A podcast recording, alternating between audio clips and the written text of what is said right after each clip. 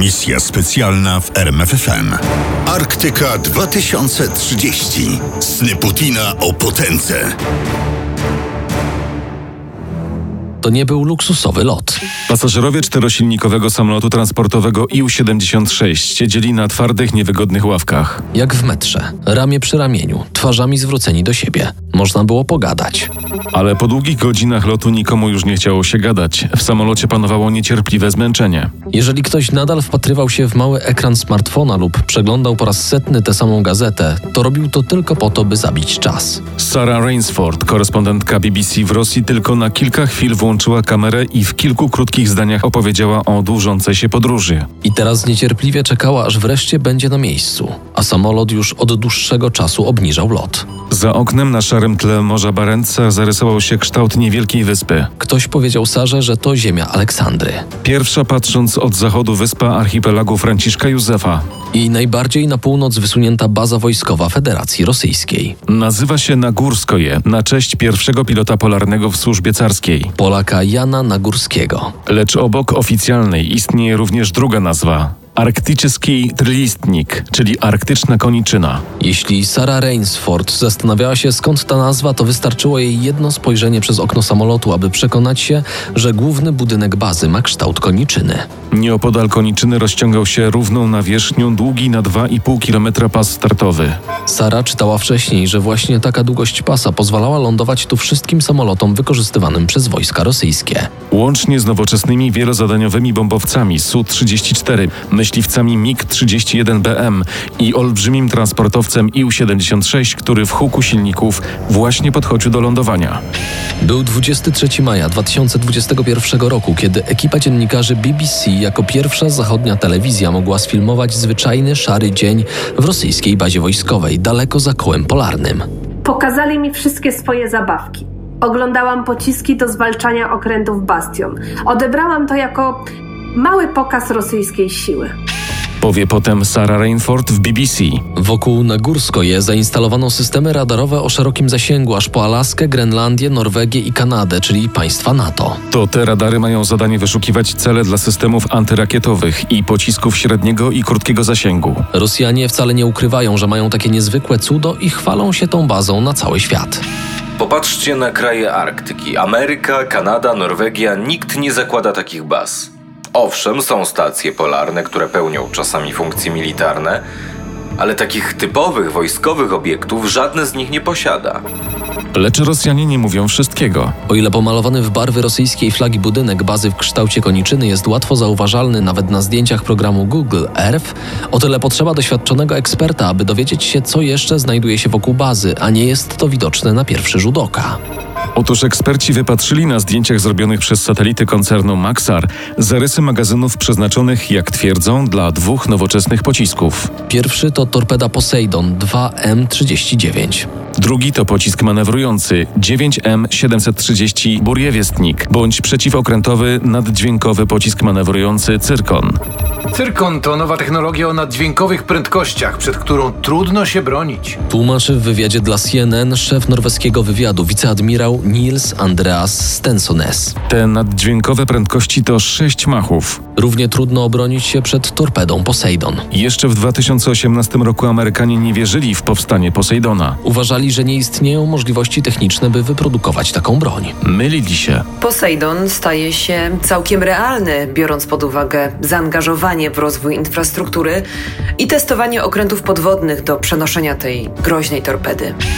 Tłumaczy Katarzyna Zysk, profesor stosunków międzynarodowych Norwegian Institute for Defense Studies. Ta nowoczesna torpeda napędzana reaktorem jądrowym o mocy 100 MW ma zadanie przekradać się przez obronę wybrzeża. W praktyce jest to podwodna wersja rakiet z głowicami jądrowymi. Christopher Ford, zastępca sekretarza stanu do spraw bezpieczeństwa narodowego, roztoczył przed dziennikarzami czarną wizję skutków eksplozji Poseidona, mówiąc, że ma na celu zalewanie miast przybrzeżnych USA radioaktywnym tsunami. W efekcie, jak twierdzą eksperci, tereny skażone przez wybuch głowicy jądrowej o mocy kilku megaton nie będą nadawały się do zamieszkania przez długie dekady. Już samo testowanie takiej broni jądrowej może mieć poważne negatywne konsekwencje dla środowiska. Mówi wiceadmirał Stensones. Po co Rosjanom taka groźna broń? I na to pytanie stara się odpowiedzieć Katarzyna Zysk. Torpeda Poseidon zapewne posłuży jako karta negocjacyjna, na przykład w rozmowach o kontroli zbrojeń. O testach nowoczesnej broni przeprowadzonych głównie na morskich poligonach Arktyki wiedzą wszyscy zainteresowani, bo też Rosjanie wcale nie ukrywają tego faktu. Nie ukrywają również i innego faktu, a mianowicie militaryzacji Arktyki. Przez ostatnie 8 lat Rosja przywróciła do życia 14 starych, poradzieckich baz wojskowych i utworzyła 6 nowych. Rosja remontuje lotniska i instalacje radarowe z czasów sowieckich, buduje nowe porty i ośrodki poszukiwawczo-ratownicze oraz rozbudowuje swoją flotę lodołamaczy o napędzie jądrowym i konwencjonalnym.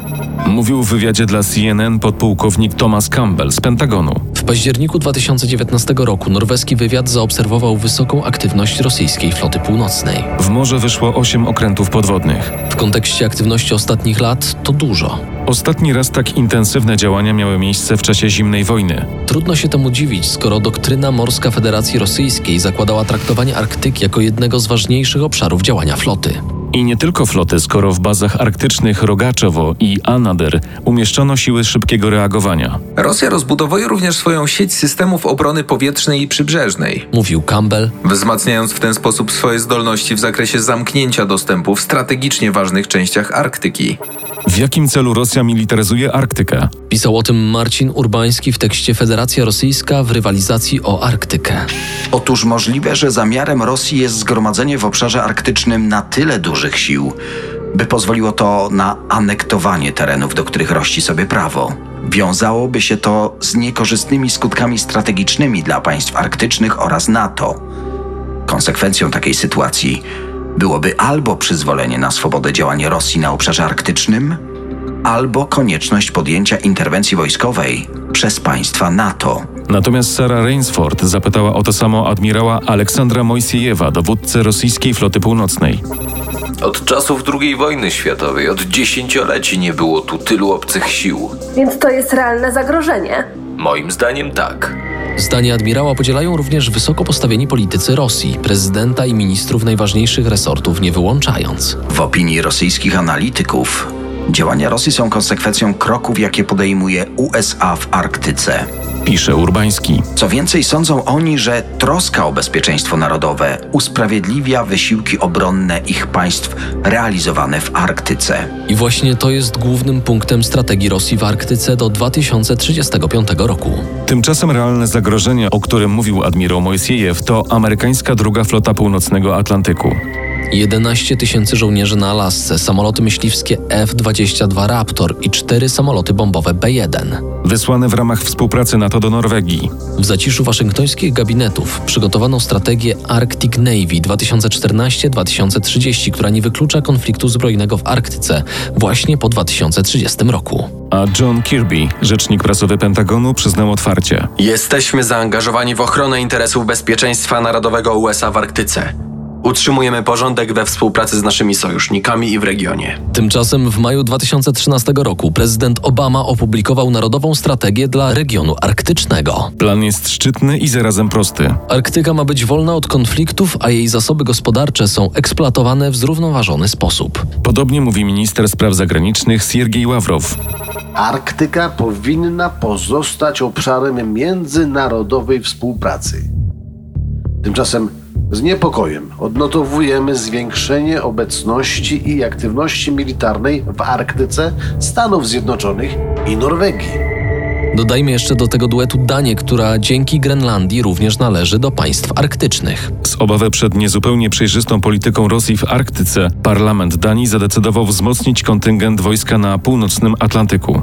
W praktyce oznacza to rozbudowę baz wojskowych na Grenlandii i Wyspach Owczych. Tam też Duńczycy zamierzają postawić radary, a do patrolowania Oceanu Arktycznego wykorzystać drony. Ale Ławrow dobrze wie, że Stany Zjednoczone, czy szerzej skandynawskie państwa NATO, to nie jedyny i chyba nie najgroźniejszy rywal Rosji Rosji na zimnych wodach Arktyki. Jest jeszcze jedno mocarstwo Chińska Republika Ludowa. Chiny, pomimo swojego położenia geograficznego, uważają się za państwo prawie arktyczne. Prezydent Xi Jinping zamarzył sobie arktyczny jedwabny szlak, którym popłyną towary z Chin do Europy. Gra jest warta ryzyka. W porównaniu z trasą przez kanał Suezki, droga arktyczna, tzw. północna droga morska, skraca aż o 40% trasę transportu towarów z Azji Wschodniej do Europy. Ponieważ ten szlak przechodzi niemal w całości przez wody terytorialne Rosji, Moskwa chce go zmonopolizować. Jak to sobie wyobraża prezydent Putin? Otóż na przykład transport ropy naftowej ma się odbywać tylko na rosyjskich tankowcach i w asyście rosyjskich lodołamaczy. Oczywiście nie za darmo. Lecz to nie jedyna sporna kwestia dotycząca północnej drogi morskiej. W 2019 roku Putin i jego ekipa drastycznie ograniczyli prawo ruchu okrętów po tych wodach. Jest to jednak sprzeczne z prawem morza, co bardzo wyraźnie podkreślają politycy i admiralicja Stanów Zjednoczonych. Witold Rotkiewicz, specjalista od spraw polityki rosyjskiej, uczeń samego Richarda Pipesa, widzi tu nawet potencjalną przyczynę nowego konfliktu.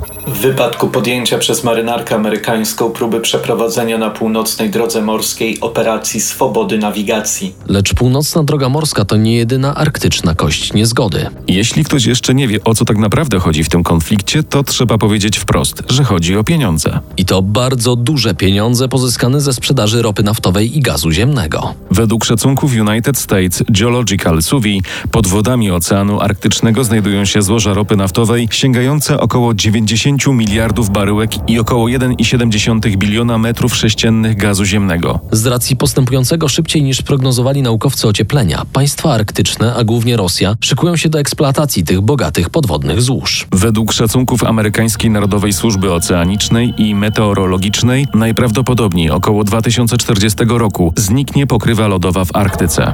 Czy wówczas wydobycie surowców mineralnych będzie możliwe? I co ważne, opłacalne. Zdaniem ekspertów nie. Złoża leżą na dużej głębokości, około 3 km, co bardzo utrudnia, a w niektórych przypadkach nawet uniemożliwia odwierty. Do eksploatacji złóż potrzebne będą nowoczesne technologie, a tego na razie Rosji brakuje. Stąd potrzeba kooperacji z lepiej rozwiniętymi technologicznie Amerykanami. Kreml nie zraża się jednak tymi prognozami i robi swoje. Strefa arktyczna to ważny region Federacji Rosyjskiej, zarówno w znaczeniu ochrony naszych granic, jak i w kontekście naszej specjalnej strefy ekonomicznej. Potencjał gospodarczy Arktyki rośnie z roku na rok.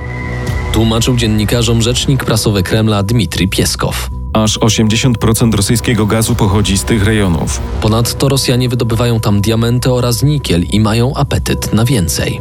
Pewien anonimowy urzędnik Departamentu Stanu twierdzi nawet, że Rosjan nie interesuje nic poza wydobyciem ropy naftowej i gazu ziemnego, dwóch surowców niezbędnych dla gospodarki kraju. Rockford White, profesor i dyrektor programu studiów morskich w The Fletcher School na Uniwersytecie Tufca, nie tylko dostrzegł zróżnicowanie interesów państw arktycznych, ale starał się przewidzieć ich zamiary. Rzeczywiście, zainteresowane zrównoważonym rozwojem w regionie, a także ochroną środowiska i powstrzymaniem zmian klimatycznych są kraje skandynawskie, Kanada oraz Stany Zjednoczone. Chiny chcą dywersyfikacji dostaw energii, a Rosja stawia na wydobycie gazu ziemnego, minerałów i ropy naftowej. Te jakże różne, żeby nie powiedzieć sprzeczne cele pojawiły się na forum Rady Arktycznej w maju 2021 roku, zaledwie trzy dni przed wizytą Sary Rainsford w arktycznej Koniczynie. To właśnie po tym forum Rosja na dwa lata przejęła przewodnictwo Rady. Jak to wykorzysta? Czy jak twierdzą niektórzy analitycy, kwestie ochrony środowiska zejdą na plan dalszy? Czy zablokuje Chinom dostęp do złóż ropy i gazu, czego spodziewają się inni? O tym dopiero się przekonamy. Tak jak przekonamy się, czy realne jest zagrożenie ekspansją rosyjską w Arktyce. Robert English, historyk i profesor Uniwersytetu Południowo-Kalifornijskiego, ostrzega amerykańskich dyplomatów przed popełnieniem starego błędu. Dokładna ocena zagrożeń ma istotne znaczenie dla formułowania polityki zagranicznej. Zarówno Tukidydes, jak i George Kennan ostrzegali przed wyolbrzymianiem zagrożeń i lekceważeniem ich kontekstu geopolitycznego. Ignorowanie rad tych dwóch gigantów strategii wielokrotnie prowadziło Stany Zjednoczone na kosztowne bagna polityczne. Dziś USA ponownie stoją na krawędzi takiego błędu, tym razem w Arktyce. Czy ma rację? Misja specjalna w RMFFM. Na tropie największych tajemnic historii.